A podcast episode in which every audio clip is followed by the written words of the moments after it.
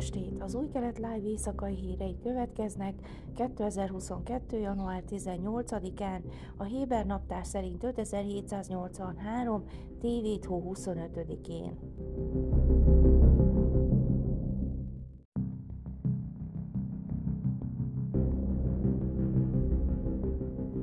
Marokkói hadsereg kedden közölte, hogy a Rábati védelmi értekezletet követően megállapodott Izraellel a katonai együttműködés megerősítéséről, többek között a hírszerzés és a kiberbiztonság terén.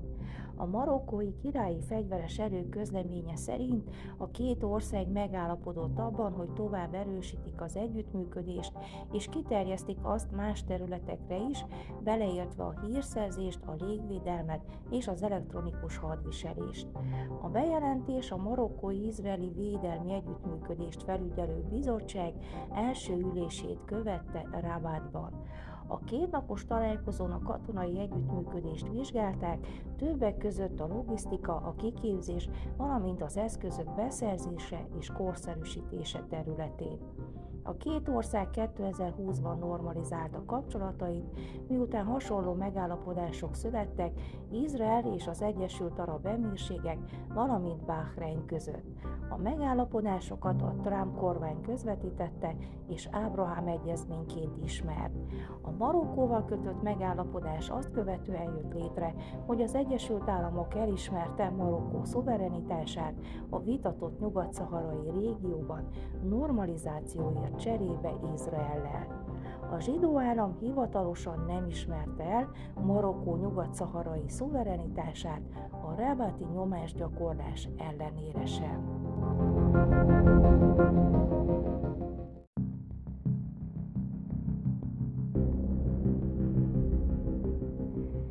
Yehuda Weinstein, aki két Benjamin Netanyahu miniszterelnök vezette kormány alatt és szolgált főügyészként, kedden pogromnak minősítette a koalíció azon tervét, hogy radikálisan átalakítsák a jogi és igazságszolgáltatási rendszert.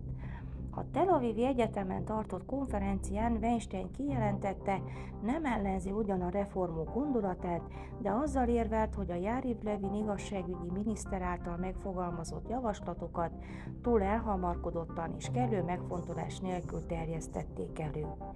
Megpróbálják megváltoztatni az általunk ismert jogrendszert, és minden gyorsan és megfontolás nélkül történik, mindent ellenzek, ami benne van, mondta Weinstein, aki 2010 és 16 között volt főügyész. Levin reformjai drasztikusan korlátoznák a legfelsőbb bíróság jogkörét a jogszabályok bírósági felülvizsgálatára. Lehetővé teszik a Knessetnek, hogy újra alkossa a törvényeket, ha a bíróság megsemmisíti azokat, teljes ellenőrzést biztosít a kormánynak a bírói kinevezések felett, a minisztériumi jogi tanácsadókat politikai kinevezettek kialakítja, és tanácsaikat nem teszi kötelező érvényűvé. A volt főügyész azt mondta, különösen ellenzi a Bírói Kiválasztási Bizottság összetételének megváltoztatását, amelyben jelenleg a kormánynak és a legfelsőbb bíróságnak egyenlő számú képviselője van, de az új terv szerint a kormány is kinevezett képviselői lennének többségben. Ellenzem a bírák kinevezésének megváltoztatását, a jelenleginél nem ismerek jobb rendszert, mondta Weinstein. Hozzátéve, hogy ellenzi Levin azon javaslatát, hogy a legfelsőbb bíróság elnökét a Bírói Kiválasztási Bizottság szavazatával nevezzék ki, ne pedig a sorban legidősebb bíró kapja automatikusan, és azt mondta, hogy a kormány jogi tanácsadói nem lehetnek politikai kinevezettek. Azt is kijelentette, hogy ellenzi az észszerűség elvének eltörlését, melyet a legfelsőbb bíróság alkalmaz bizonyos kormányzati és közigazgatási határozatok visszavonására, azon az alapon, hogy a döntés meghozatalakor nem vettek figyelembe minden lényeges szempontot, vagy azok nem kaptak megfelelő súlyt. Az észszerűség elve a kezdetektől fogva velünk van, az angol joggyakorlatból került hozzánk, nem pedig a legfelsőbb bíróság volt elnökétől, Aharon Báráktól való, és nem javaslom, hogy változtassunk rajta, mondta Weinstein.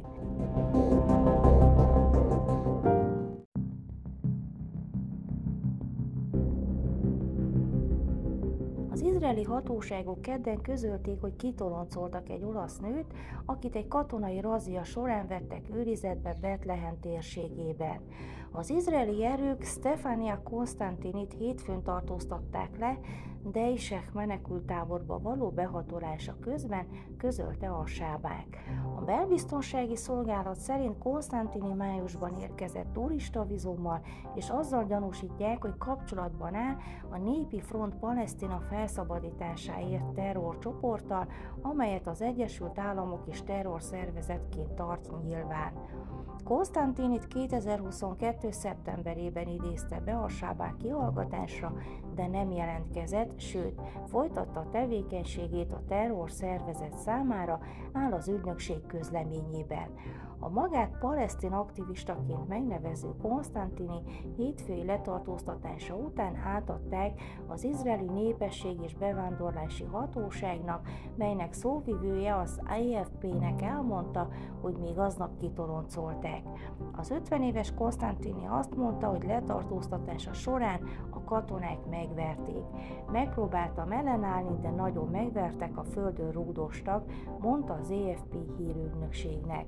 A hírügynökség megkeresésére az izraeli hadsereg nem kommentálta a vádakat. A kiutasítás ugyanazon a napon történt, amikor Antonio Tajani olasz külügyminiszter telefonon beszélt Eli Cohen külügyminiszterrel.